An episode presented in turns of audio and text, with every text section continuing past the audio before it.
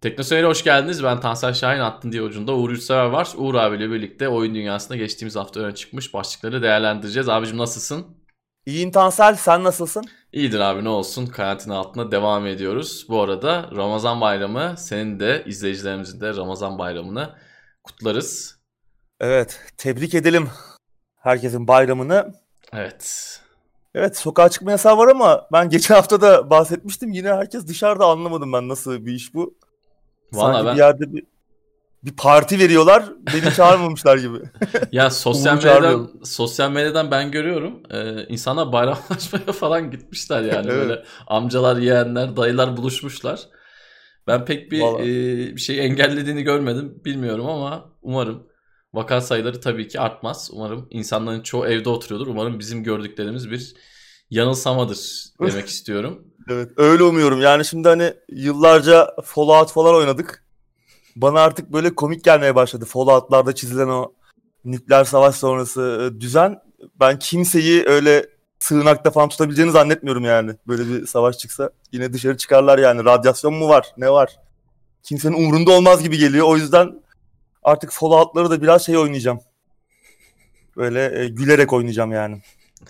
Evet onlar da bu vesileyle biraz sanki ciddiyetlerini, gerçekçiliklerini kaybettiler gibi duruyor.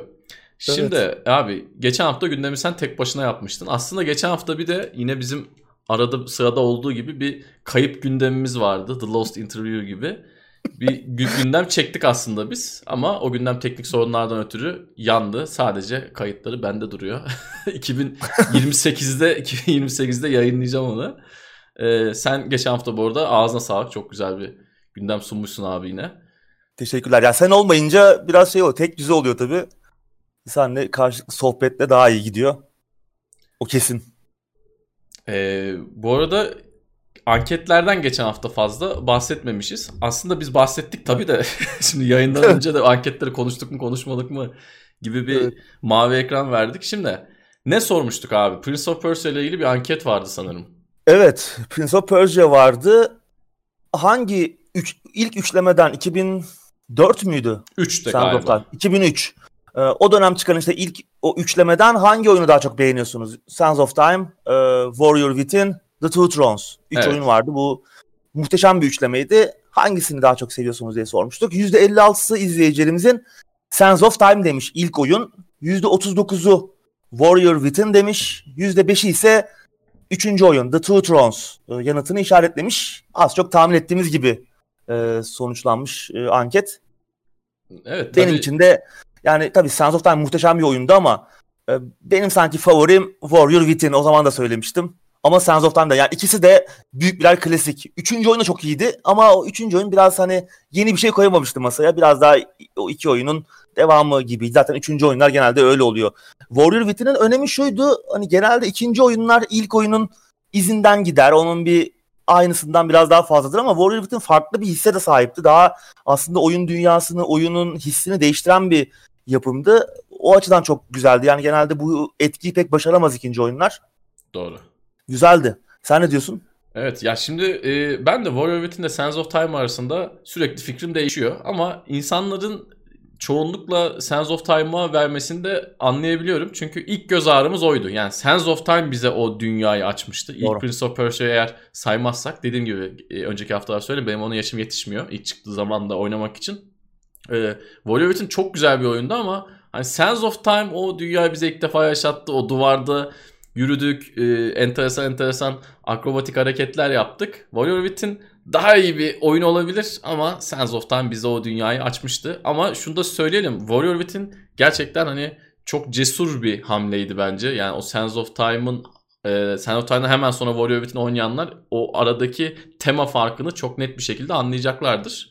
Evet, çok gerçekten... karanlık. Evet. Karanlık bir oyundu bir yandan Kesinlikle. da. Kesinlikle. Hı hı. Evet, bir diğer anketimiz. Bir diğer anketimiz yine Prince of Persia ile alakalıydı. Şimdi tabii yeni oyunun söylentileri var. İşte Ubisoft Prince of Persia 6.com'u satın almıştı. Alan adını satın almıştı. Biz de acaba yeni bir oyun mu geliyor diye düşünmüştük. Zaten uzun süredir bekliyoruz zaten. Seninle her muhabbetimizde bir Prince of Persia konusu açılıyor. E, sormuştuk yeni bir oyun istiyor musunuz diye izleyicimizin %61'i yeni bir Prince of Persia görmek istiyormuş. %19'u istemiyormuş. %20'si ise e, ilgilenmiyormuş bu seriyle. Yani en azından şunu anlıyoruz ki %80'i izleyicilerimizin Prince of Persia serisiyle bir şekilde haşır neşir olmuş. Bunların da büyük bir kısmı yeni bir oyun görmek istiyor. Sen evet. tam o konuşmanın sonunda Far Cry hatırlatması yapmıştın. E, Far Cry'e dönmesin falan diye. Bence o biraz etkiledi anket sonuçlarını. Yoksa %80 falan çıkabilirdi isteyenlerin evet. sayısı. Ben de bir an böyle bir şeye düşmüştüm. e, bir tereddüte düşmüştüm. Ya Acaba şimdi zaten e, e, sözlü kestim. Yeni oyun istemeyenlerin de istememe sebebini anlıyoruz yani. Şimdi istemeyen adam da ya diyor ben de bu serinin güzel anları var. Adam sevdiğinden istemiyor yani. Hani yeni bir Prince of Persia çıksın oynamayalım diye değil. Yani ağzımızın tadı kaçmasın diye istemiyor adam. O da anlaşılabilir. Yani izleyicilerimizin senin de söylediği gibi %80'e yakını seriyi hakikaten seviyor. %60'lık kısım evet. yeni oyun çıksın diyor. %20'lik kısım kardeşim çıkmasın, içine etmesinler diyor. Belki bir, e, böyle bir çekincesi var ki geçen hafta bunu konuşmuştuk. Ama evet. iyi yani izleyicilerimizin büyük bir kısmının Prince of Persia ile ilgilenmesi hoş. Evet şaşırtıcı. Genelde bu kadar yüksek oranlar görmüyoruz. Çünkü bir oyundan bahsettiğimizde bir oyunla alakalı bir Hı-hı. anket yaptığımızda demek ki herkes özlemiş Prince of Persia. Artık zamanı geldi. Ubisoft da bizi takip ediyorsa Phil Spencer gibi belki buradan bir şey sonuç çıkartır. Ben telefonumda yer açtım biraz mobil oyun gelirse. Umarım öyle bir şey olmaz. Umarım mobil oyuna çevirmezler. Bakalım. Üçüncü bir anketimiz de vardı. Doom Eternal'la alakalı. Onu da şöyle yapalım abi istersen. Gündemin ilk maddesi de aslında senin o anketle yakın sayılabilecek şekilde. Ee, önce maddeyi konuşalım ardından ankete ve sonuçlarına geçelim. Şimdi gündemin ilk maddesi Doom Eternal'ın tartışma yaratan Denuvo hile engelleme sistemi bir sonraki güncellemede oyundan kaldırılacak. Şimdi burada kafada deli sorular. Doom Eternal'da niye hile açılır? O kadar mı düştü oyunculuk? Buraya mı geldik? Denuvo evet. bir de hileyle ne alakası var? Zaten sistemleri yeteri kadar çıldırtan bir isimken bir de hile engellemede karşımıza çıkıyor. Bravo diyorum. Gerisini topu sana atıyorum abi. Evet geçen hafta böyle bir güncelleme geldi ki oyuna gelen ilk büyük güncellemeydi. Bu ilk büyük güncellemeyle Denuvo'nun yıllardır üzerinde çalıştığı hile engelleme sistemini entegre ettiler. Tabii e, tahmin etmeniz zor olmadığı gibi çok büyük tepkiler geldi oyuncular tarafından. E, bu aslında Valorant'ın sistemine biraz benzeyen bir e, hile engelleme sistemi. Yine e, sisteme kernel seviyesinde bir sürücü yüklüyor ama Valorant'tan farklı, farklı olarak e, sistem işletim sistemiyle beraber değil, oyun açıldığında devreye giriyor. Oyundan çıkınca kapanıyor. Tabii yine insanlar e, kernel seviyesinde bir e, müdahale olduğu için tabii işkillendiler, e, tepki gösterdiler. Verilerimiz mi çalınıyor falan hani e, Bethesda ve Denuvo tarafından hani böyle bir şey olmadığına yönelik ciddi açıklamalar gelse de negatif inceleme bombardımanları Steam'de işte forumlarda olumsuz eleştiriler falan gitti bayağı bir büyüdü olay. Daha sonra id Software'den Marty Stratton sizi duyduk, e, sizi dinliyoruz ve e, bir sonraki güncelleme ile bu sistemi kaldıracağız dedi. Şimdi sen güzel bir şey söyledin. E, Doom'da hile açılır? Gerçekten de açan vardı. Bu Battle Mode denen bir e, yeni bir oyun şey var ya multiplayer modu. Hı hı. Geçen hafta da ben kısaca bahsetmiştim. Onda hakikaten hile vardı. Ee, bir arkadaşımla beraber oynamıştım ben bu. 2'ye 1 e, asimetrik multiplayer modu Doom'un. Ee, ama yani çok da başarılı olmadı o mod yani. Kimse oynamıyor muhtemelen şu an. Güzel bir fikirdi ama çok iyi uygulanamamıştı. Yani bunun için bu kadar hani e, böyle bir oyun modu için bütün oyunu yakmaları çok mantıklı değildi ki oyunun tek kişilik tarafında da hani oyuna girdiğin zaman açılıyor bu hile sistemi. Yani multiplayer mi oynuyorsun, single player mi oynuyorsun bir önemi yok. İnsanlar buna tepki gösterdiler.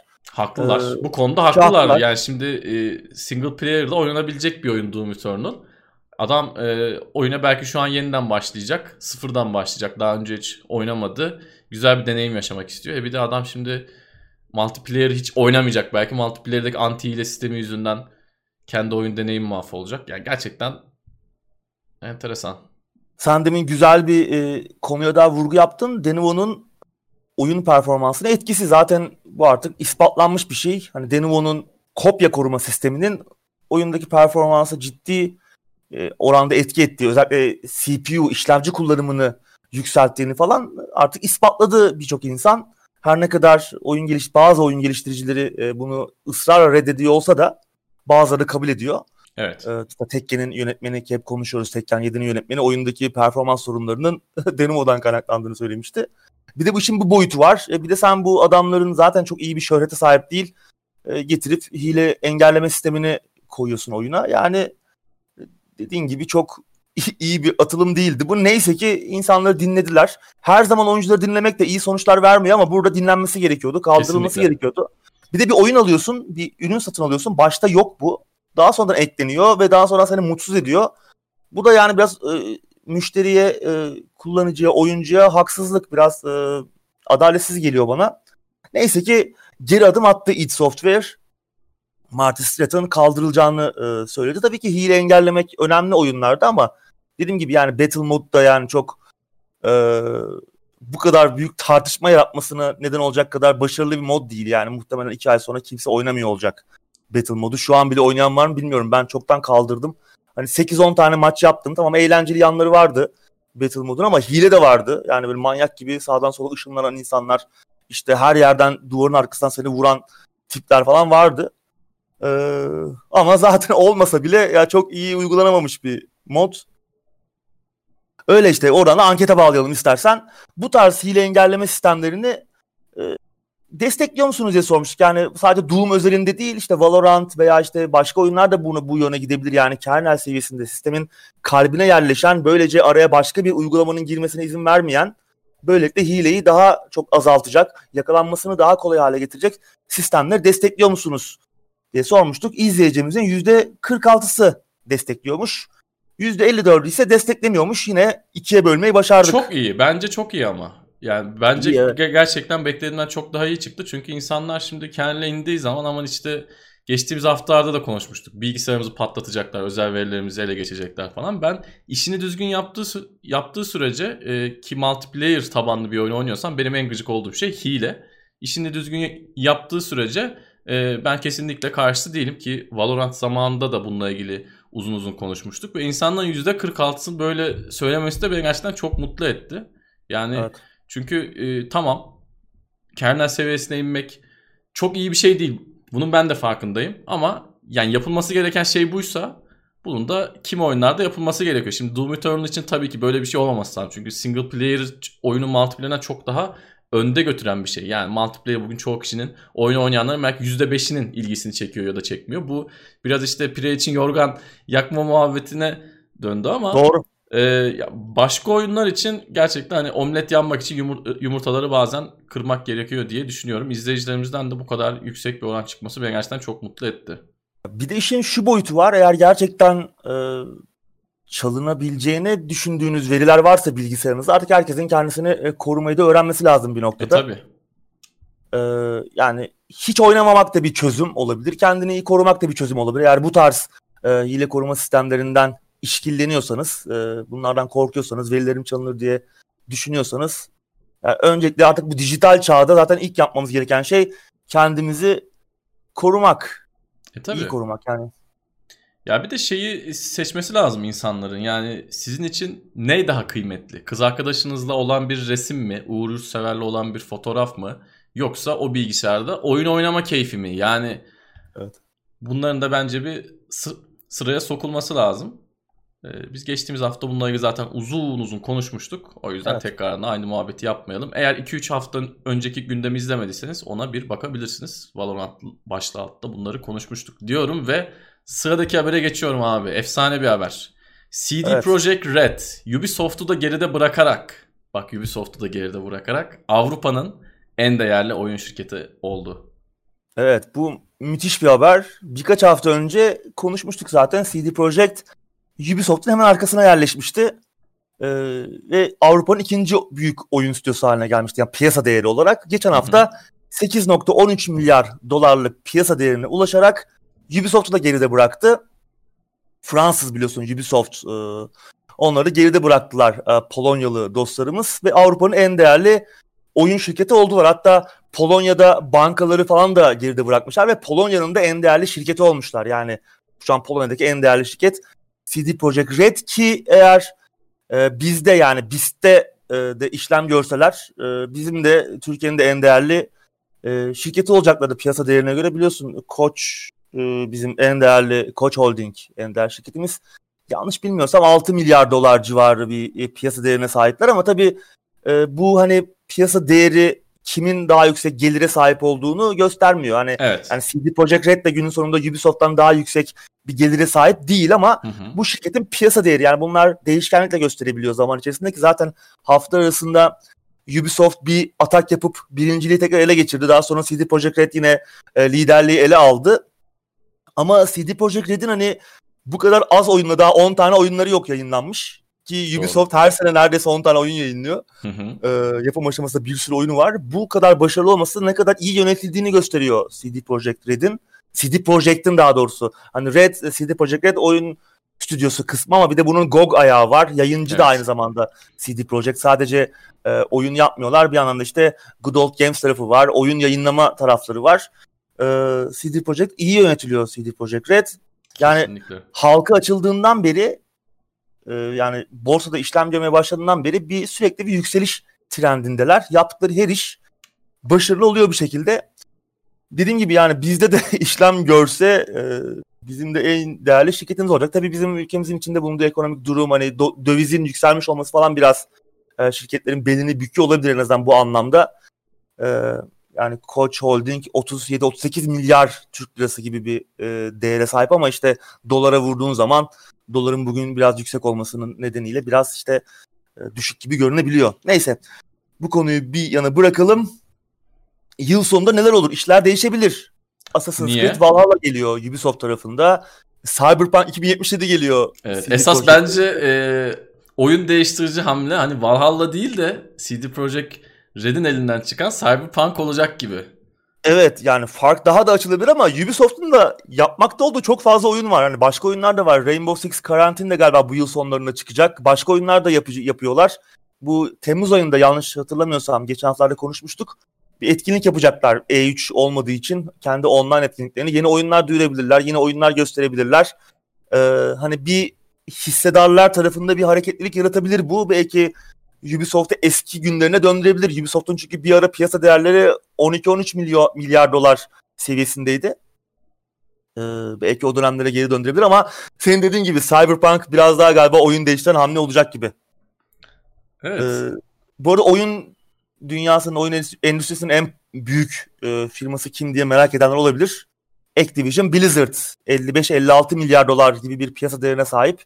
Tabii ben bu şeye e, değerlendirmeyi Nintendo, Sony, e, Microsoft gibi tek işi oyun olmayan e, firmaları almadım. Mesela Nintendo'nun e, piyasa değeri 5 trilyon dolar gibi bir şey olması lazım. E, ama Activision Blizzard 55 milyar dolar, EA 35 civarı, Take-Two 16 milyar dolar. Yani bu aslında biraz şeyi gösteriyor. E, bu dönemde artık hani teknoloji, yazılım büyük bir yükselişte aslında hani ya bir oyun şirketinin e, mesela Polonya'da en değerli şirket haline gelmiş olması, e, Avrupa'nın yine sayılı şirketlerinden biri haline gelmiş olması, işte oyun endüstrisinin diğer e, firmalarının çok büyük e, piyasa değerlerine sahip olması, çok büyük hissedar portfolyolarına sahip olması çok önemli bir şey ki diğer teknoloji firmalarını hiç konuşmuyorum bile. E, işte donanım üretenler, işte ne bileyim telefon üretenler yani aslında yeni yeni dünya e, düzeni biraz da teknoloji, işte bilişim ve Kesinlikle. oyun sektörü veya işte yazılım sektörü üzerinden ilerliyor. Bunlar çok daha değerli artık. Evet. Bu da en büyük kanıtı. Şimdi bizim ülkemizden de keşke bir CD Projekt Red çıksaydı. Ben bu hafta kendi kişisel kanalımda yayın yapıyordum. Bir arkadaş geldi ve şey dedi ya insanların eğlenceleri, oyunları kardeşim niye bu kadar ciddiye alıyorsunuz? Niye böyle üzerine saatlerce konuşuyorsunuz dedi. Tekno Seyir yayınlarını muhtemelen kastetmeyerek söyledi. Benim kendi yaptığım yayını. Ben de dedim ki işte bu CD Projekt Red örneğini verdim. Bak dedim adamların piyasa değerine bak. Hani keşke bizden de böyle bir şirket çıksaydı da dedim. E, biz bize yine böyle eleştiriler gelseydi insanlar yine bize kızsaydı. Yani keşke bizden de böyle bir şey çıksa. İnsanlar bize bununla ilgili e, kızabilirler işte kardeşim hep eğlence konuşuyorsunuz, oyun konuşuyorsunuz, milletin oyun keyfine karışıyorsunuz belki diyebilirim ama bu çok ciddi bir sektör bu. Yani artık evet. öyle e, işte ne bileyim kırtasiyeden Atari kaseti alayım, üfleyeyim, takayım, komşuyla kaset değişim işini geçeli çok oldu ve işin artık endüstri boyutu da çok çok çok ciddi ve CD Projekt Red'in Polonya'ya yaptığı katkıyı ben düşünemiyorum. Gerçekten düşünemiyorum. Yani Polonya'ya neler kattığını orada yaşayan insanlar muhtemelen çok daha iyi bilip analiz e- edecektir. Keşke bizde de bu büyüklükte bir çalışma olsa. Keşke bizim ülkemizde de hala ya oyuna para mı verilir kardeşim gibi bir mentalite Onu bir olmasa. aşsak, o mentaliteyi Evet. bir aşarsak e, bir yere varırız. Evet. Tailverse tabii şu an en yakın duran. E, Bakalım Bannerlord başarılı olacak mı? İyi, çok iyi bir çıkış yaptı. İşte şu an 2020'nin Steam'de en iyi çıkış yapan oyunu oldu ama bakalım devamı gelecek mi? E, onu da göreceğiz. Evet. Sıradaki Dediğin doğru ama şey, e, geçmeden şeyi hatırlıyorsundur. Polonya Başbakanı'nın Obama'ya e, Witcher 2'yi hediye etmesini falan. Evet. Aslında ülkelerinin de bir anlamda yüzü haline gelmiş bir e, şirket. Gerçekten yaptığı E, katkı ki. çok büyük.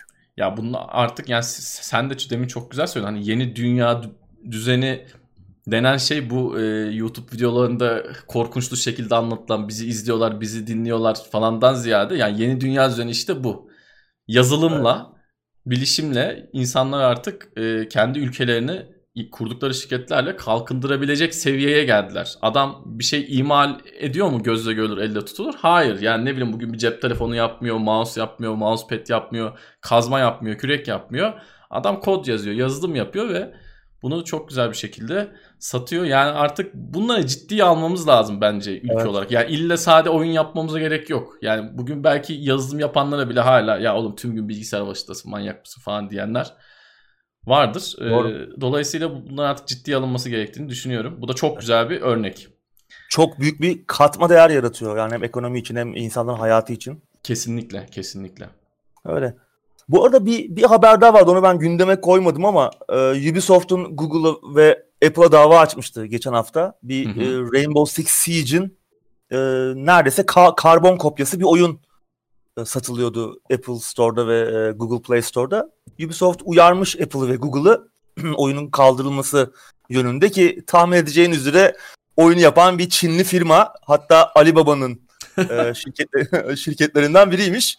Rainbow Six'in bayağı böyle karbon kopyası. Ubisoft uyarınca kaldırmamışlar. Daha sonra Ubisoft konuyu mahkemeye e, intikal ettirmiş. Konu ma- mahkemeye gidince ve dava açılınca ve basında da e, büyük yankı uyandırınca oyun kaldırıldı.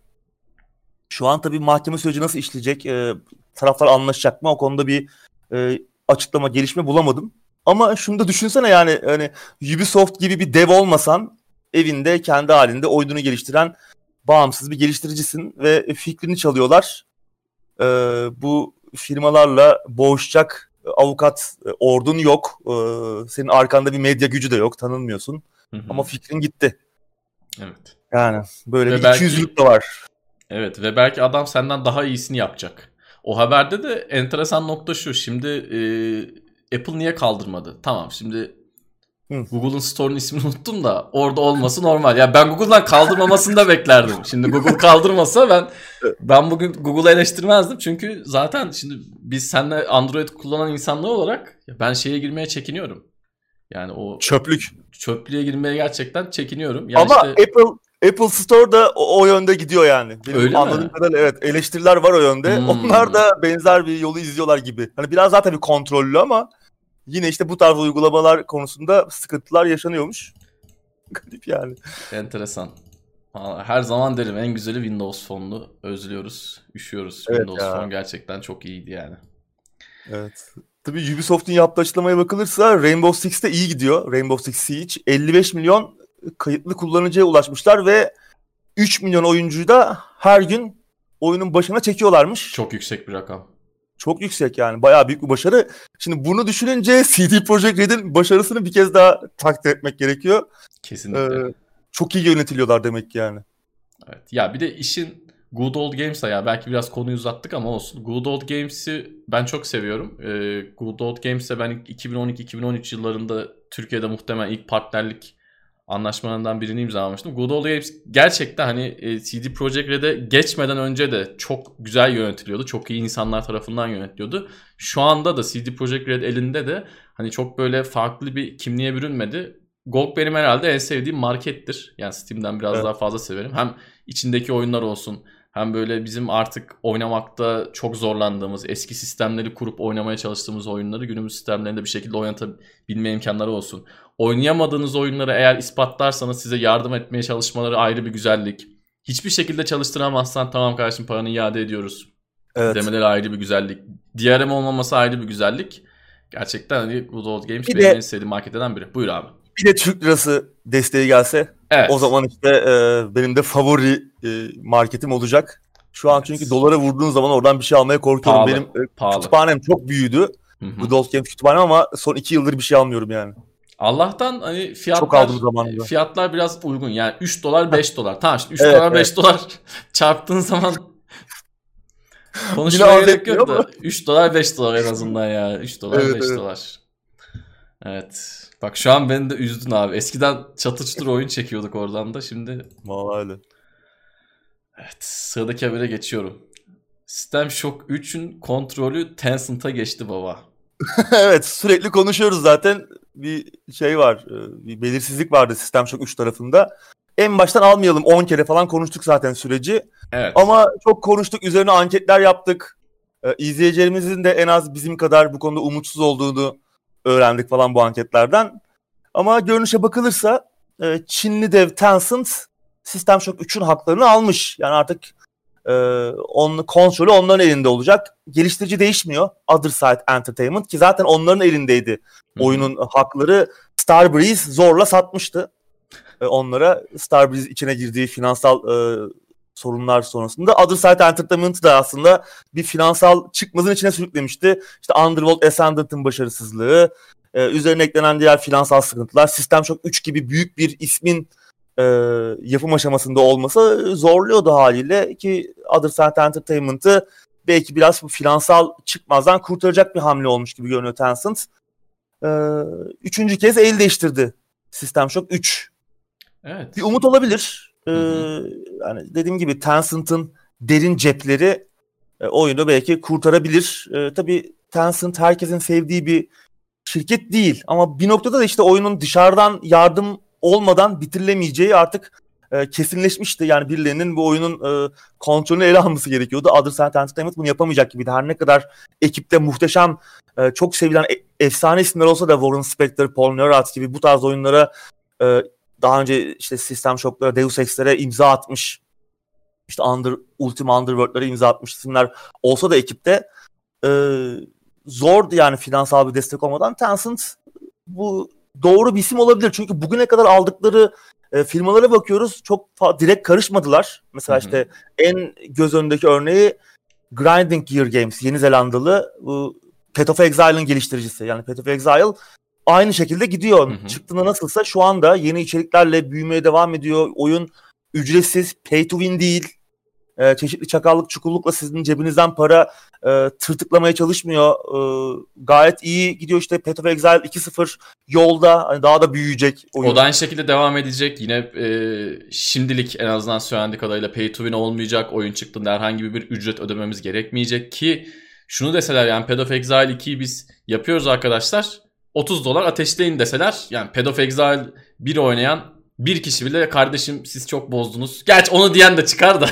Şimdi o çıkar. Onu, onu diyen de kesin çıkar da herkes verir o parayı yani oynar. Tencent söylediğin gibi çok iyi örnekler verdin. Ben de hemen şunu söyleyeyim abi. Tencent'a ben de öcü gözüyle bakmayanlardanım. Bugüne kadar herhangi bir büyük yanlışını görmedik ama ondan da önemlisi sanki ya şey gibi bir açıklama gelmiş. Biz işte küçük çaplı bağımsız bir stüdyoyuz ve işte o oyunu kendi kendi halimizde idare etmek e, gitgide zorlaşıyordu gibi bir açıklama gelmiş. Bunu şimdi söylemeleri beni biraz üzdü. Yani bu videolar yayınlanırken bunları söyleselerdi ya da video yayınlamadan ya da işte sürecin herhangi bir yerinde bunu kendi ağızlarıyla güzel bir şekilde dile getirselerdi ben daha mutlu olacaktım. Şimdi bu evet. hani Tencent e, işin başına geçtikten sonra bu bahaneyi öne sürmek ben pek yakıştıramadım. O oyundan da ümidimi biraz daha böyle azalttı gibi. Yani şu ana kadar yapılan sanki çok bir şey yokmuş gibi geldi bana. Bilmiyorum zaten, tabii ama. Zaten oyun motoru değişti. Geçtiğimiz evet. haftalarda konuşmuştuk. Unity kullanıyorlardı. Unreal 4'e geçtiler. Belki işte Unreal 5'e de e, oyunları aktarabilirler. Çünkü geçen hafta konuşmuştuk. E, Unreal 4'te devam eden projeler 5'e de kolayca aktarılabilecekmiş. Hı hı. E, yani dediğin doğru bir iletişim problemi vardı zaten Other Side Entertainment'ta. Yani oyunun ne halde olduğunu bilmiyorduk. En son geçen sene mi? 2019 GDC'de bir bir de bir dakikalık video gördük. Orada da zaten Unity kullanıyordu o dönemde oyun. Ondan sonra bir ses seda kesildi. Oyunun işte bir işten çıkarmalar oldu. Oyunun yapımının durduğu söylentileri yayıldı. Bu konu bu süreçte hiç e, iletişim kurmadılar. E, böyle bölük pörçük bazı şirket çalışanları sağda solda bir açıklama yaptı. Forumlarda falan konuştu ama çıkıp da böyle resmi bir açıklama yapmadılar. Evet dediğin gibi yani şu an çıkıp da e, zaten hani biz bağımsız bir stüdyoyuz işte olay zorlaşıyordu falan demeleri çok e, bana da çok mantıklı gelmedi. Keşke daha önceden daha sağlıklı bir iletişim kursalardı. Çünkü Sistem Shock çok büyük bir marka, çok büyük bir isim. Ee, çok büyük anıları olan oyun endüstrisi için de önemli. Oyun tasarımı, Tabii. işte first person shooter'ların, rol yapma oyunlarının bugün geldiği noktayı aslında belirlemiş oyunlardan biri Sistem Shock serisi. Ee, muhteşem bir immersive sim, hatta immersive sim okulunun da, ekolünün de en önemli e, temsilcilerinden. E, o yüzden Biraz daha keşke dikkatli olsalardı bu süreçte. Ben, benim umudum biraz arttı aslında Tencent işin içine girdikten sonra. En azından işte finansal sıkıntılar aşılacak. Belki ekipteki bu yaratıcı isimler biraz daha kendilerini gösterme imkanı bulacak. Ama daha bir şeyler görmek, duymak ve heyecanlanmak için çok erken. Evet doğru. Ee, daha uzun bir süre var anladığımız kadarıyla. Yani oyun iyi çıkar mı hala ben e, çok kesin bir şey diyemiyorum Tencent'a rağmen. Yani en azından Tencent'ın hani ekonomik gücüne rağmen. Evet. Tencent ama yine güzel bir yerde gördük. Gene enteresan bir dokunuşta gördük. Evet bizi de alırlar yakında. Hadi bak. ya almadıkları adam kalmadı. Geçen haftalarda yine çok konuştuk. Çok yatırımları var yani. Bakalım oyun Şu ana gündemi. kadar da batırdıkları bir şey yok. Yok evet. İşte belki de işte son noktayı bekliyorlar. Dünyayı ele geçirip e, alıp gidecekler yani. yavaş evet. yavaş. Evet. Bakalım neler olacak. Sıradaki habere geçiyorum. Christopher Nolan'ın filmlerinden biri Fortnite'ta gösterilecek abi. evet. Nolan'ı Fortnite dans yaparken görebiliriz belki. Bilmiyorum ne diyorsun. Evet, enteresan bu tarz, olur. bu tarz e, işlerin böyle farklı tarzlarda, e, farklı medyumların, farklı kitle, kitlesel araçların böyle Fortnite bir nevi bunların buluştuğu nokta haline geldi. Birkaç hafta önce yine konuşmuştuk. İşte geçtiğimiz yıl sonunda e, Star Wars'un son filminden bir sahne canlandırılmıştı. Yine geçtiğimiz haftalarda bir takım ünlü şarkıcılar canlı konserler verdi. Ee, Fortnite'da. Geçen hafta da Memento, The Dark Knight, işte Inception, Dunkirk gibi muhteşem işlerden tanıdığımız İngiliz yönetmen Christopher Nolan'ın son filmi, yapım aşamasında olan e, filmi Tenet.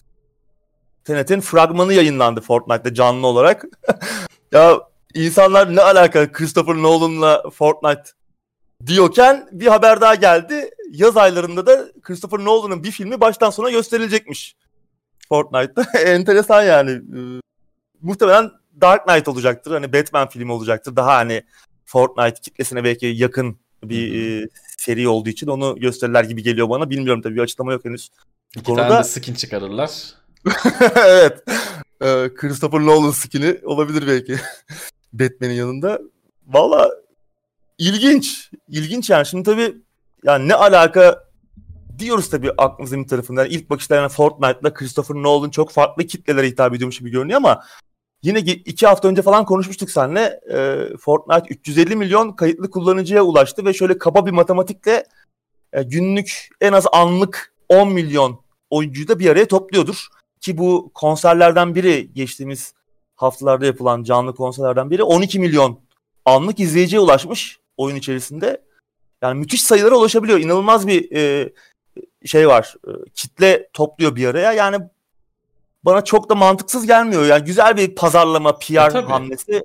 E tabii. E, hoşuma da gidiyor aslında bu tarz e, yaklaşımlar. Tamam ben hayatımın hiçbir noktasında çok da emin konuşmayayım tabii ama Fortnite'ı indirip oynamayacağım belki ama bir oyunun bu tarz işte farklı tarzda işler sinemadır, müziktir, e, farklı medyumları bir araya toplayıp bunlar arasında bir köprü haline gelmesi, bir araç olması bunları bunların e, yayınlanması için bence güzel bir şey ki ben hep bahsediyorum zaten David Bowie örneğini vermiştim yine geçtiğimiz haftalarda.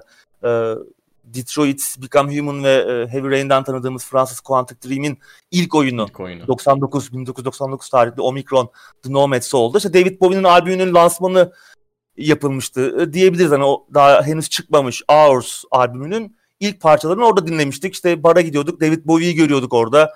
E, canlı performansını falan. Bu tarz e, çapraz medya ilişkileri yani işte filmle oyunun işte ne bileyim müzikle oyunun iç içe girdiği işler hoşuma gidiyor. Yeni deneyimler, farklı deneyimler olması açısından. Bilmiyorum sen ne düşünüyorsun? Ya ben de gayet faydalı buluyorum aslında. Şimdi demin 12 milyon anlık iz- izleyiciden bahsettin. Yani tamam bir YouTube kadar değildir. Ama YouTube'un da bir üçte biri dörtte biri kadar herhalde burada da bir kitle vardır. Yani şu an insanlar harıl harıl YouTube kanalı açıyor son son bir yıldır iki yıldır. İleride belki bir Fortnite kanalı da açılır bilemiyorum ama yani kitle neredeyse bu adamlar oraya gidebilir. Bu çok normal ve bundan daha doğal hiçbir şey yok. Bunu eleştirmenin de ben çok manalı olduğunu Epic. düşünmüyorum. Epic bunu paraya da çeviriyor. Demin bir e, örnek verdim. Skin, skin çıkartıyor. Adam alıyor Hı-hı. gidip yani bunu bir e, paraya çevirme tarafı da var. E, şirketler için hani bu film şirketi olabilir. E, onlar için bile bir pazarlama aracı haline geliyor. Tabii Tenet nasıl gösterime girilecek onu da bilmiyoruz. Sinemalar açılacak belki. Temmuz ayında giriyor çünkü galiba. Fazla bir şey kalmadı herhalde. Geçenlerde evet. yeni bir trailer daha yayınladılar. Ee, işte bakalım e, Tenet nasıl gösterime girecek. Ee, belki onu da Fortnite'da yayınlarlar ileride. Efsane ee, olur. Fragman gibi. Bilmiyorum. Bakalım. Tenet'i bekliyor musun abi bu arada? Ya daha çok bir şey anlayamadım. Hoşuma gitti aslında gördüklerim ama yani izlemek lazım ya. Ben Christopher Nolan filmlerinin fragmanlarının çok filmleri konusunda hani filmleri hakkında çok fazla fikir vermediğini düşünüyorum. Hani Inception'ın da bugün fragmanını izlesen belki çok bir şey anlamayabilirsin. Ki izleyince bile anlamıyoruz Inception'ı. Yani izleyince yani. bile e, şey oluyor. E, böyle bir ambole oluyorsun. Hı hı. E, yani izleyeceğim tabii mutlaka. Tabii sinemalar açılacak.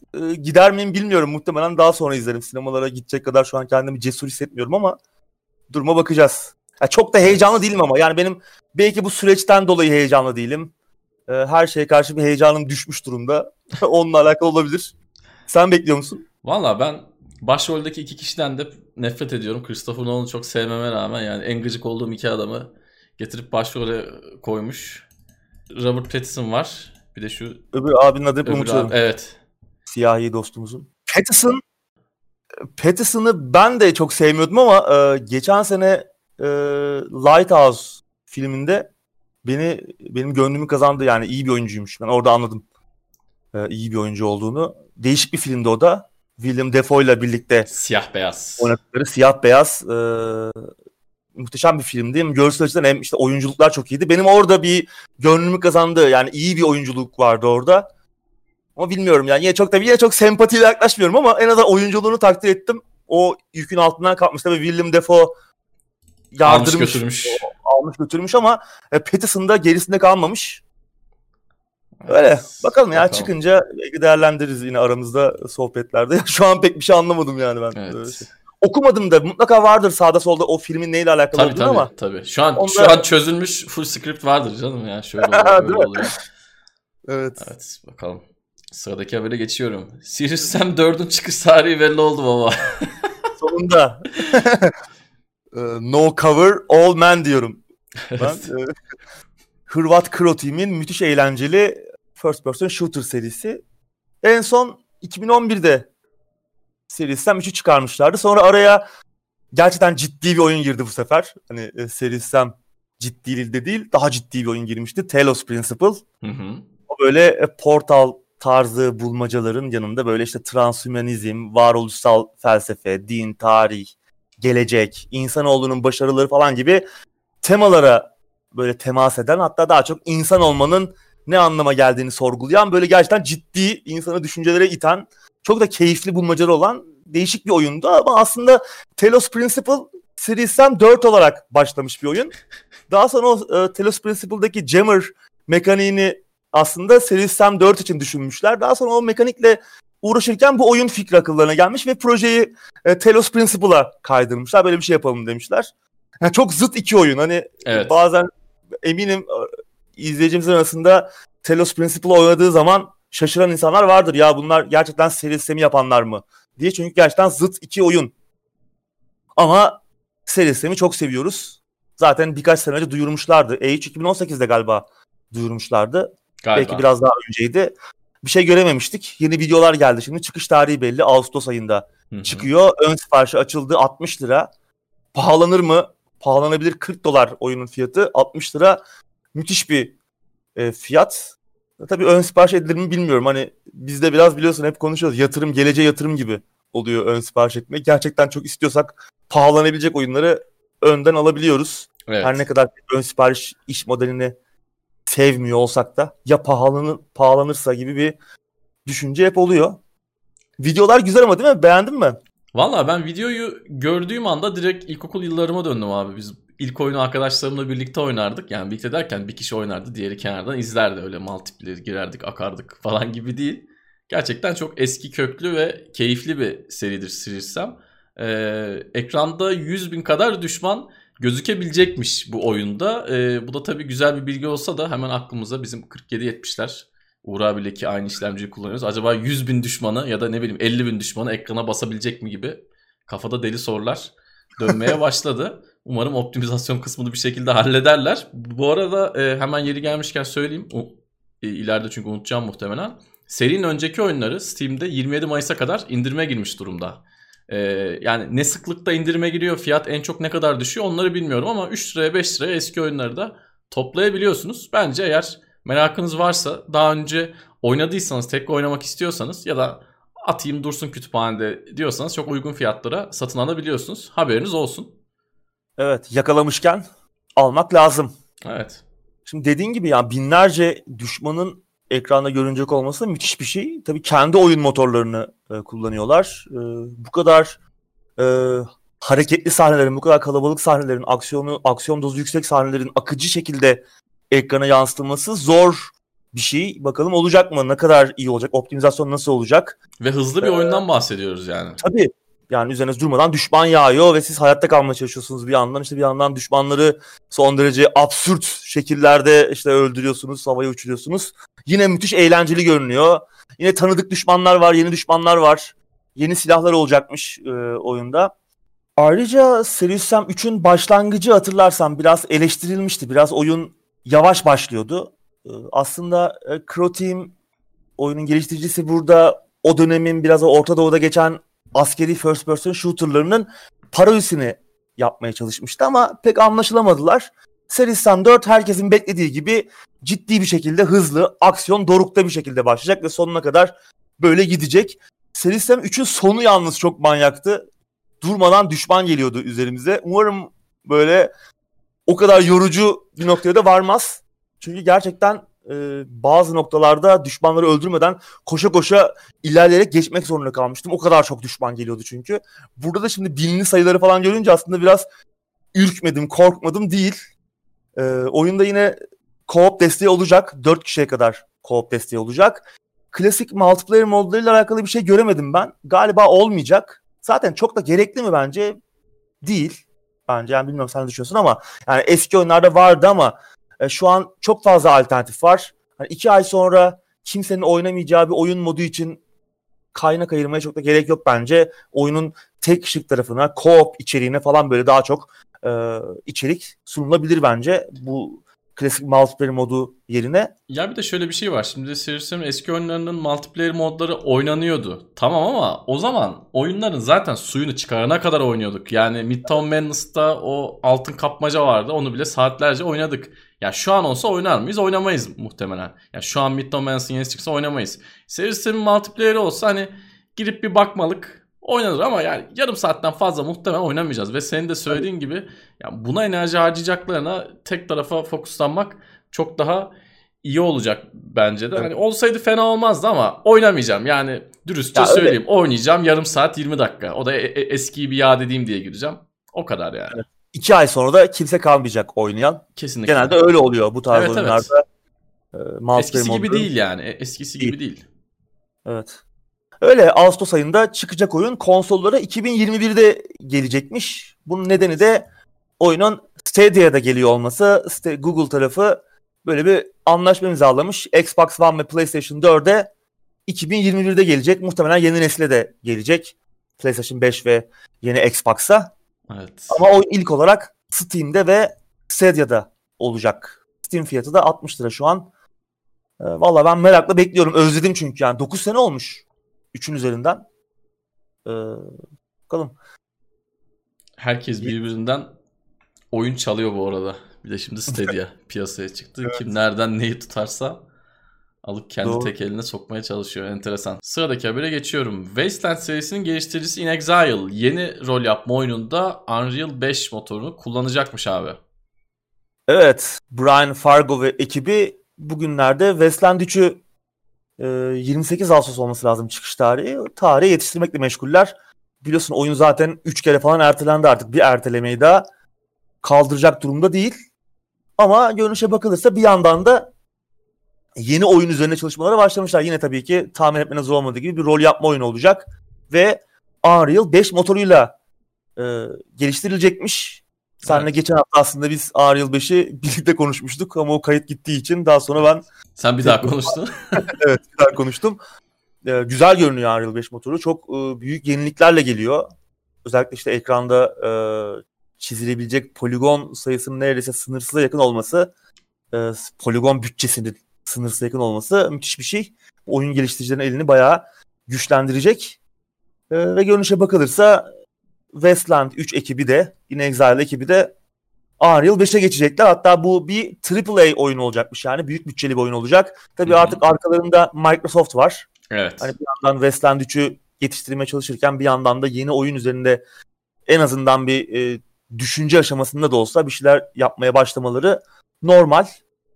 Ee, Xbox cephesinde Unreal motorunu kullanan başka oyunlar da var. Hellblade, yeni Hellblade de Unreal 4'ü kullanıyor. Onlar da muhtemelen 5'e geçecekler. Daha önce dediğimiz gibi Unreal 4 ile geliştirilen projelerin 5'e aktarımı çok kolay olacakmış. Bakalım. Evet. Tabii geçiş yapmayabilir. Sonuçta Unreal 5 motoru e, önümüzdeki yıl aslında çıkacak. Belki de Hellblade 2 de Unreal 5 motoru göremeyeceğiz şu an bilmiyorum ama geçebilir yani şu an. Çünkü Microsoft cephesi aslında her ne kadar Microsoft'la Epic hani Team Sweeney pek Microsoft'tan haz etmiyor falan olsa da Xbox cephesinde Unreal motorunu kullanan birçok e, stüdyo var. Birçok oyunu da bu motorla göreceğiz. Hellblade evet, gibi. E, bir de şimdi Unreal 5'in demosu, e, e, yeni engine'ın demosu PlayStation cephesinde gösterildiği için insanlar e, ekskluzif bir motor gibi bir algı oluştu insanlar üzerine. Öyle bir şey yok tabii ki. Yani hani her yerde aynı deneyim olacak yani. Evet her yerde aşağı yukarı aynı deneyim olacak. Sıradaki habere geçiyorum. G2A yasal olmayan oyun anahtarı satışı için Factorio'nun geliştiricisine yaklaşık 40 bin dolar ödedi. Biz bunu aylar önce konuştuk. Gri evet. market olayı uzun uzun hatta e, neredeyse bir videonun büyük bir kısmında buna ayırmıştık. Ayrı, ayrı video yapmıştık. Ki Öyle hatta mi? o videonun linkini de aşağıda yine paylaşırız. Çünkü konuya en baştan uzun uzun girmeyelim. Yok. Kısa evet. özetleyelim. Çünkü çok konuştuğumuz, uzun uzun konuştuğumuz bir konu. Ee, kısaca özetlemek gerekirse birçok bağımsız oyun geliştirici G2A'yı ve bunun gibi gri market e, platformları Kinguin yasıp, vesaire. İşte Kinguin, işte e, başka da var. E, G2Play falan gibi birçok platform var. E, bu tarz mecraları yasa dışı oyun anahtarı satıp kendini büyük zararlara uğratmakla suçluyordu ki e, bu aslında 5-6 yıldır sürekli ara ara gündeme gelen e, ve sonra tekrar kaybolan bir konu zaten. E, G2A de bu suçlamaları reddediyordu. Hatta geçen sene işte yaptığımız videonun da konusu bunun üzerineydi. Zarara uğradığını ispat edenlere bu zararın 10 katını ödemeyi teklif etmişti. Hatta yeterince talep olursa ki yanlış hatırlamıyorsam 100 geliştiriciydi bu. Yani 100 geliştirici talep ederse bu oyun geliştiricilerin ürettikleri oyun anahtarlarının takibini ve iptalini kolaylaştıracak bir uygulama, bir yazılım sözü vermişlerdi ama buna bir e, talep olmamış. 19-20 geliştirici sadece başvurmuş bunun için. Bu uygulama hayata dönüşmedi ama Factorio'nun Çek geliştiricisi Wubi Software uğradıkları zararın tazmin için başvurmuş. Başvuran ilk hatta geliştirici olmuşlar. Hı hı. 321 321 tane oyun anahtarının yasa dışı olarak satıldığını iddia etmişler. GTA bunların 192 tanesinin kendi sitelerinden satıldığını söylemiş ve Wubi Software'e yaklaşık 40 bin dolarlık bir ödeme yapmışlar. Yani işte 321 anahtarın 192 tanesi GTA'de satılmış. Yani bu da yaklaşık %60-61 gibi bir oran yapıyor. Bu belki bize işte G2A'in bu gri market e, piyasasındaki belki pazar payını da e, kaba ta, kaba da olsa veriyor denebilir. Yani evet. böyle bir pazar payına sahip diyebiliriz. Ki en çok bilinen zaten G2A. Hı hı. E, tabii bundan sonrası için de ödeme yapmaya devam edeceklermiş aynı şekilde başvuranlar ama 10 katını değil artık neyse onu ödeyecekler. Hani bu 10 katı galiba kısıtlı süreli bir kampanyaydı onlar için. bir sene için de demişlerdi galiba ama bu süre zarfında da çok fazla başvuran olmamış gördüğümüz kadarıyla. Evet onu da söylememiz lazım. Şimdi en başta yüze yakın geliştirici biz de zarar biz de zarar dedi. İşte adam ispatlayın dediği zaman yine Nasrettin Hoca'nın hikayesine döndü. Arkaya döndü baktı kimse yok. Evet. Timur hikayesine döndü. Evet ama yine de sözlerini tutmuşlar. Tebrik ediyorum evet. gerçekten. Evet ya şimdi tabii gri marketi sevmiyoruz. Yani yeri geldiğinde eleştiriyoruz. Özellikle işte ufak geliştiriciler, ufak firmalar için bu banka geri ödemeleri konusunda ciddi masraflar, maliyetler, zararlar ortaya çıkabiliyor. Bu gerçekten büyük e, üzerine konuşulması gereken ciddi bir durum ama işte bir yandan da nerede bu zarara uğrayanlar sadece Factorio'nun geliştiricisi öne çıkıp e, bunu talep etmiş. Evet. E, herkes ortalığı karıştırıp geri mi çekildi yoksa Öyle işte oldu.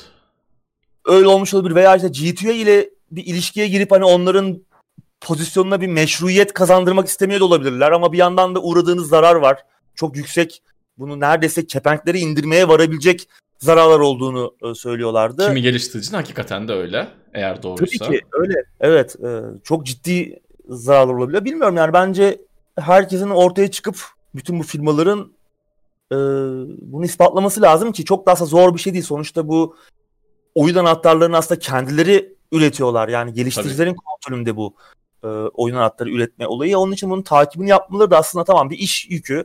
Ama sonunda en azından e, bir şey ispatlayacaksınız ve bunun için bu iş yükü aslında bence göze alınabilir. Sonuçta sizin kontrolünüzde olan bir süreç aslında bu büyük oranda bu oyun anahtarı üretilip dağıtılması. Nereden satıldığı, nasıl oralara düştüğünü aslında takip edebilirler. Tabii bir yandan da bu oyun anahtarı satışının önüne geçmek için hesapları linkleme e, sistemi gelmeye başladı. Hani Steam'de zaten vardı bu tarz şeyler. İşte Epic Store'da buna geçti. Uplay, Electronic Arts hı hı. kendi platformlarında da yine bu hesap linkleme artık yani bir üçüncü parti resmi satıcı işte Greenman Gaming gibi bir satıcıya gittiğiniz zaman atıyorum Assassin's Creed satın alacaksın. Sana e, diyor ki işte Uplay hesabını bağla. Oyunu direkt oraya aktarıyor. Artık bu oyun anahtarı satış işi de biraz e, bu yüzden e, azalmış durumda. Ama bu sefer de hesap satma muhabbeti ortaya çıkıyor. Adam alıyor oyunu hesabı satıyor, satmaya başlıyor bu sefer. Bunun önüne nasıl geçilebilir bilmiyorum ama bir yandan da işte e, bu geliştiricinin zararı uğrayan geliştiricilerin de Factorio'nun geliştiricisi gibi öne çıkıp ya kardeşim bizim de bu kadar key'imiz, oyun anahtarımız satıldı. Ee, bunu bize verin. Zararımızı karşılayın demesi lazım. Sadece bu kadar zaman bir sene oldu. Hı hı. Bir sene sadece bir geliştiricinin çıkmış olması bence biraz düşündürücü. GTA zaten kendinden bayağı emin konuşuyordu geçen sene. İşte bunun da sebebi ortaya çıkmış oldu. Yalnız sen deminden beri böyle yok ki e, anahtar falan deyince aklıma dur kahveni hiç öyle söyleyeyim. Kontra havuzları geliyor. Acaba dedim Val Uğur abinin olsa havuzdan Steam kodları böyle. bin liralık bin liralık bin dolarlık falan. Aklıma öyle bir şey geldi yani. Bilmiyorum. Kesin olurdu ama değil mi? Olurdu tabii. Olmaz ne olur ne olmaz diye böyle evin böyle villanın havuzunda böyle kazdıkça Steam kodu çıkıyor. Enteresan. Evet sıradaki habere geçiyorum. Epic Games Store kısa sürede indirime giren oyunlarda fiyat farkını iade etmeye başlıyor. Ayrıca otomatik iade sistemi de geldi abi. Evet. Civilization 6'da ücretsiz. ücretsiz. GTA 5'ten sonra bir büyük oyunda bundan sonra galiba Borderlands 2'yi verecekler. Bir e, onun sızmıştı çünkü görseli. E, büyük oyunlar vermeye devam ediyor Epic ben Store. Ben 300'er 300'er çekiyorum abi. 300'er 300'er. Torunlarıma kadar hepsi oynayacak. Evet tam onu diyecektim. Ee, yeni ekonomi modelimizle e, evet. e, biz de yine ayaktayız. Yolumuzu buluyoruz. Bizi biliyorsun yani.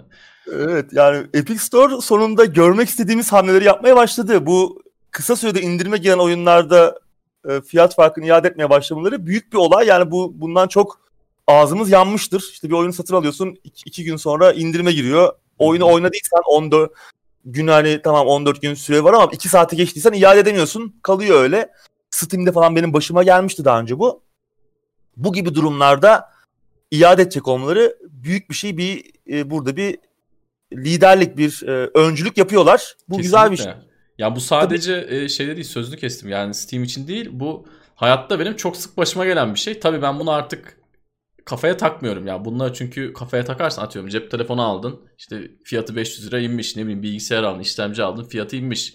Yani bunlar hepimizin hayatta başına gelen şeyler ama burada tabii biraz da şans faktörü var. Hepimizin başına gelen şeyler. Çok da kafaya takmamak lazım ama Epic Games Store'un böyle bir hamle yapması benim daha önce herhangi bir alışveriş platformunda yani sadece böyle bir oyun satıcısı değil e, görmediğim bir şeydi. Gerçekten çok çok çok e, iyi bir hamle olmuş.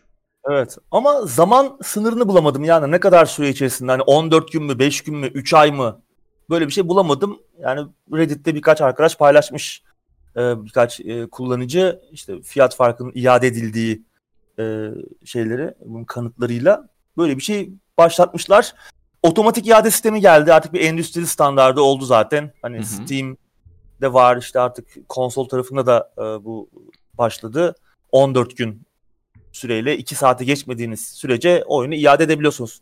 Koşulsuz şartsız. Buna da otomatik iade sistemi de getirmişler. Artık hani müşteri hizmetleriyle iletişime geçmeniz falan gerekmiyor. Mailleşme falan gerekmiyor. Sadece hı hı. E, birkaç tıkla bunu yapabiliyoruz. Bu da bir güzel bir gelişme. Bunun yanında mod desteği ve başarımlar da yoldaymış. Başarımlar hala yolda. Bu achievement olayını hala getiremediler. Yani çok önemli mi bilmiyorum ama bence e, değil. Çok insan için önemli hala. Mod desteği zaten önemli. Hani hı hı. ya Epic Store hani tamam e, en başından itibaren böyle ortalığa fütursuzca para saçıp böyle anlamsız bir tekel olmaya çalışmak yerine bu tarz şeylere baştan bir e, para ayırsaydı, yatırım yapsaydı bence şu an olduğundan daha iyi bir noktada olacaktı. Yani biraz daha kullanıcı deneyimine yönelik işte bu tarz özelliklerle daha hala sepet yok mesela. Yani Hı-hı. bunları aslında almasalardı e, daha iyi olurdu. Şu an yakalamaya başladı. Bu işte indirime giren oyunlarda fiyat farkının iadesi falan bunlar önemli şeyler. Umarım diğer platformlar da takip eder. Steam gibi işte Uplay gibi diğer platform. Tamam Uplay zaten kendi elinde hani Ubisoft'ta sadece kendi oyunları var ama diğer büyük platformlarını takip etmesi lazım. Güzel olmuş yani. Umarım şu oyun rehin alma işini de bir kenara bırakırlar. O Daha fazla da eskisi kadar değil. agresif değiller sanki ya. Artık e, oyun alıp oyun rehin almaktan ziyade oyunları özgür bırakıyorlar. Yani adamlar evet. GTA 5 verdi şimdi Civ 6 veriliyor. Yani daha bir şeyler daha verecekler. Enteresan. Bu önemli. E, kullanıcı deneyimini de iyileştirdikleri sürece e çünkü bir yere varamadılar. Ya geçen e, tabii. haftalarda bir şey okumuştum. Hala %2 falandı Epic Store'un. Bir buçuk yıl e, geçti toplam, abi yani.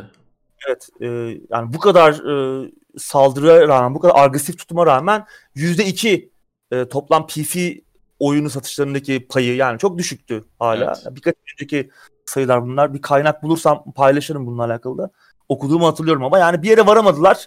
Çünkü niye? Çünkü kullanıcı deneyimi yoktu. Yoktu Hı-hı. yani. Bunu işte yavaş yavaş güzelleştiriyorlar. Daha e, yenilikçi şeyler de yapmaları lazım.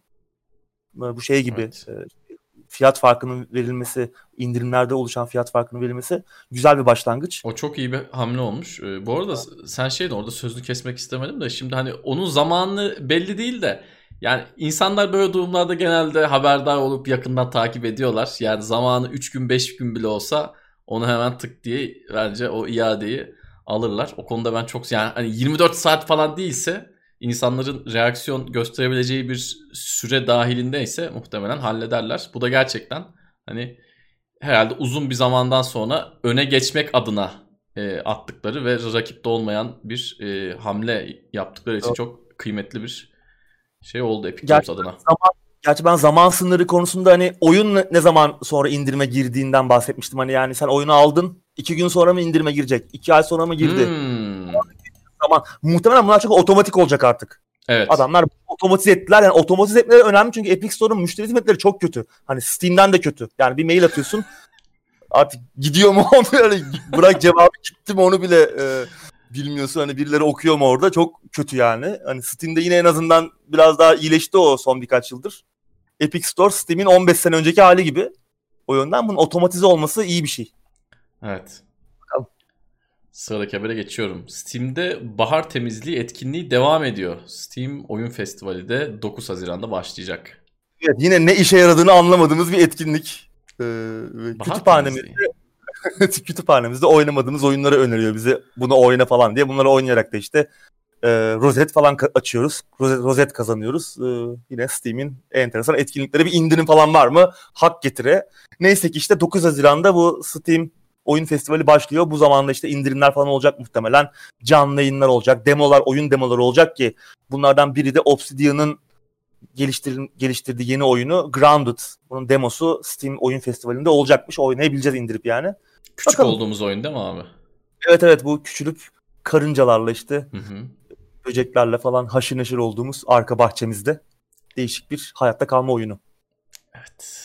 Deneriz ya o ilginç olabilir. Yani ilk başta ben biraz uzaktım ama biraz da şeye de benze benzettim ben son videolardan sonra. Bu Subnautica tarzı bir hissi de var oyunun. Bakalım hani farklı yerlerde Subnautica deniz altında geçiyor ama hani his olarak böyle yaptığımız şeyler anlamında. Hani sadece basit bir hayatta kalma oyunu değil. Böyle bir hikaye, bir e, deneyim de var orada. Bakalım. Bir çaba var. Ee, ben de sırf bir demo indirmek için indireceğim yani. Özledim demo yüklemeyi. Belki daha güzel oyunlar da, başka güzel oyunlar da olur beklediğimiz oyunlar. Bekleyelim evet, bakalım. Bakarız. Sıradaki habere geçiyorum. Mafya 2 ve 3'ün remasterları çıktı. Geçen hafta niye yoktum? Çünkü bunları oynuyordum. İlk oyunun yeniden yapımından da video geldi ve fiyat belli oldu abi. Evet. 3 haftadır mafya konuşuyoruz. Evet. Geliyor mu gelecek mi en sonunda çıktı. Ee, 2 ve 3'ün remasterları şu an piyasada satın alınabiliyor. 200 lira falan gibi bir fiyatı var Steam'de bunların ama eğer daha önce Mafya 2'ye ve 3'e sahipseniz ücretsiz olarak verildi e, oyunu sahiplerine Steam üzerinden. Yani artık utandılar tabii bunu tekrar satın alın demeye çok büyük bir fark yok. Zaten Mafya 3'ün neden remaster yapıldı o zaten benim anlayabildiğim bir şey değil. 2016 yılında çıkmış bir oyundu.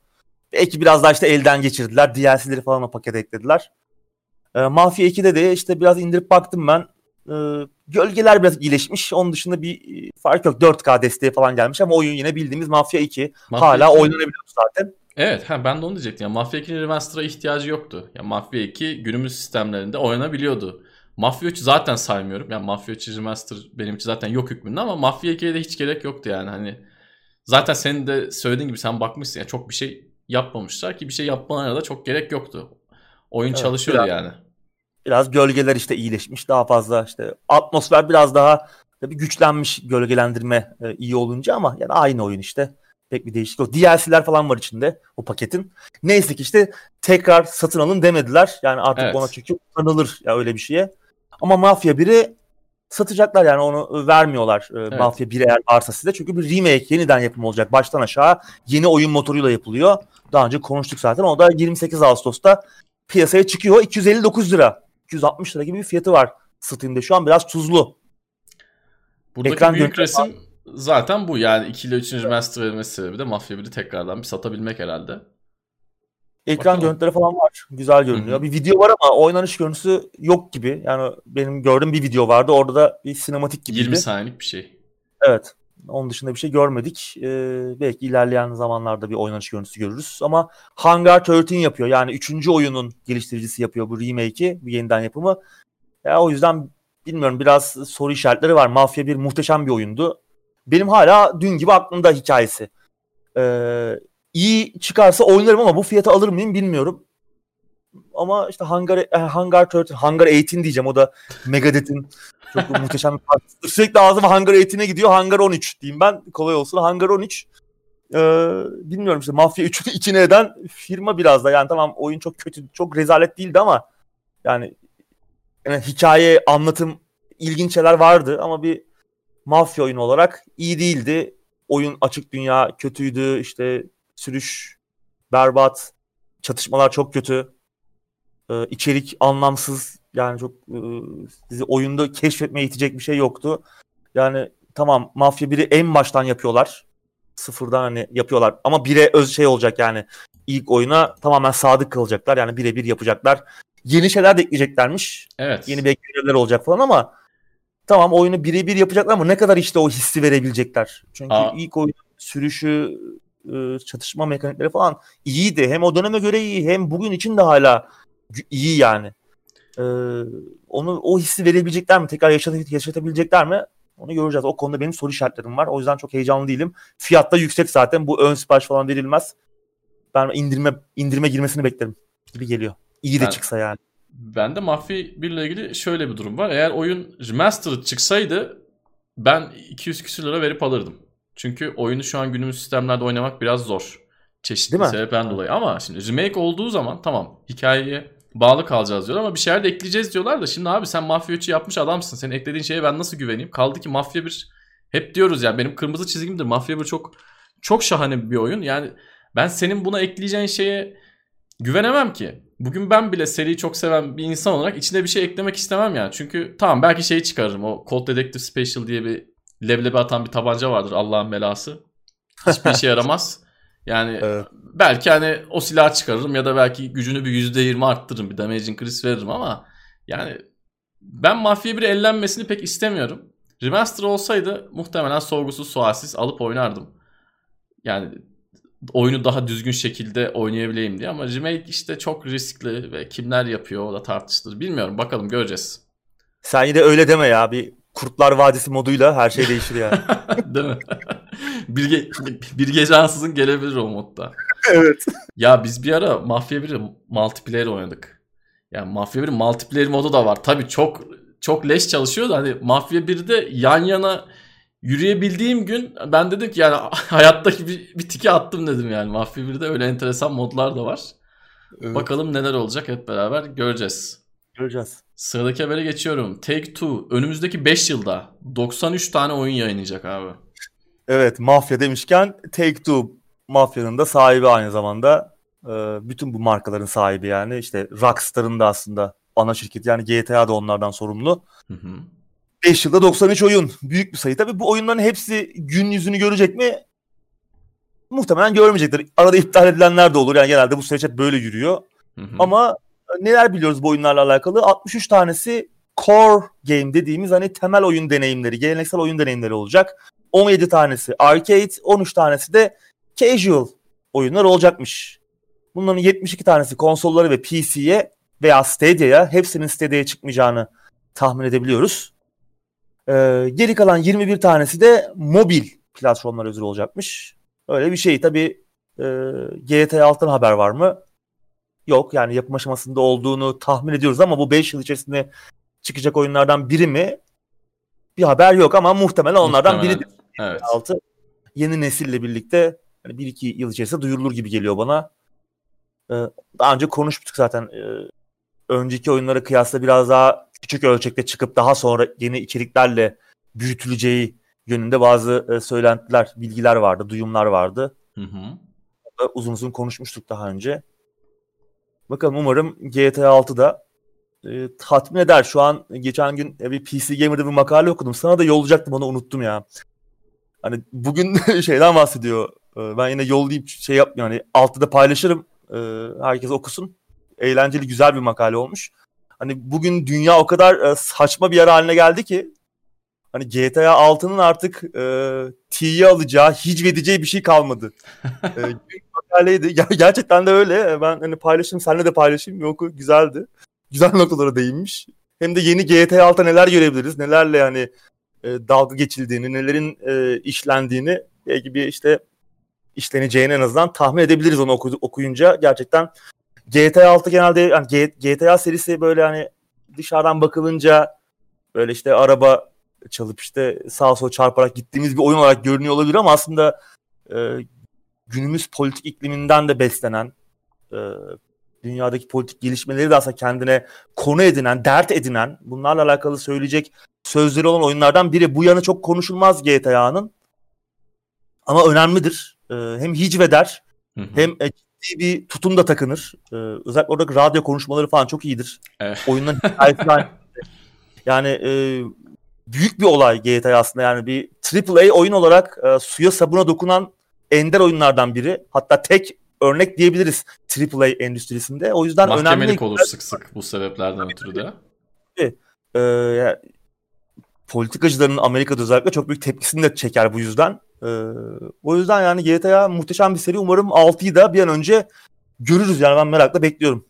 Evet yani ben GTA 5'ten az bir özellik görmek istemiyorum. Yani San Andreas'ta özellikler arttı. GTA 4'te yapabileceklerimiz azaldı. GTA 5'e tekrar arttı. Ya ben GTA 5'te yapabildiğim her şeyi en azından GTA 6'da yapmak istiyorum. Üzerine bir şey koyarlarsa da tabii ki mutlu olacağız ama ben hani GTA 5'te yapabildiğim her şeyi GTA 6'da da yapmak istiyorum. Bakalım umarım o şeyi yapmazlar. Evet geçen haftalarda e, konuşmuştuk. Umarım onu yapmazlar. Evet. Ya o çünkü çakallık yani.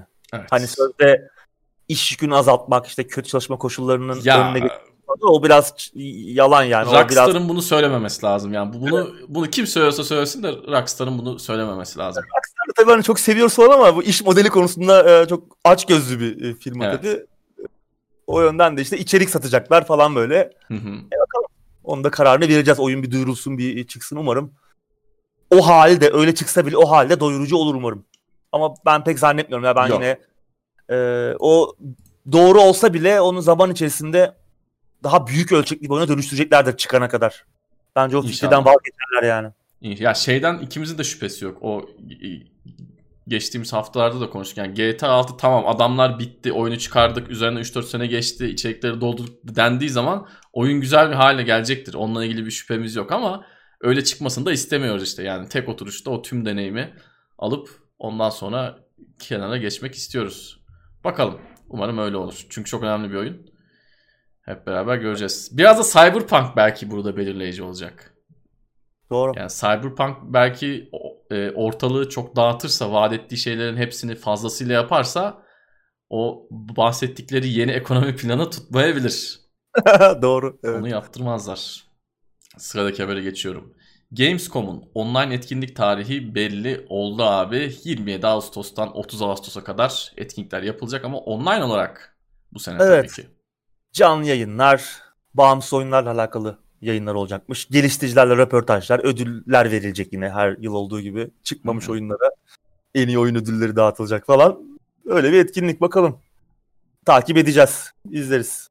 Evet, sıradaki habere geçiyorum. Sega, SNK ve Tecmo Koei gibi bazı Japon oyun stüdyoları Haziran ayında toplu bir online etkinlik düzenleyecekmiş abi. Evet, e, vereceğimiz linkte tam liste var. Hatta Shinji Mikami'nin işte Grasshopper Manufacturing'i falan da var bu e, ekip içerisinde. E, New Game Plus ismi de güzel.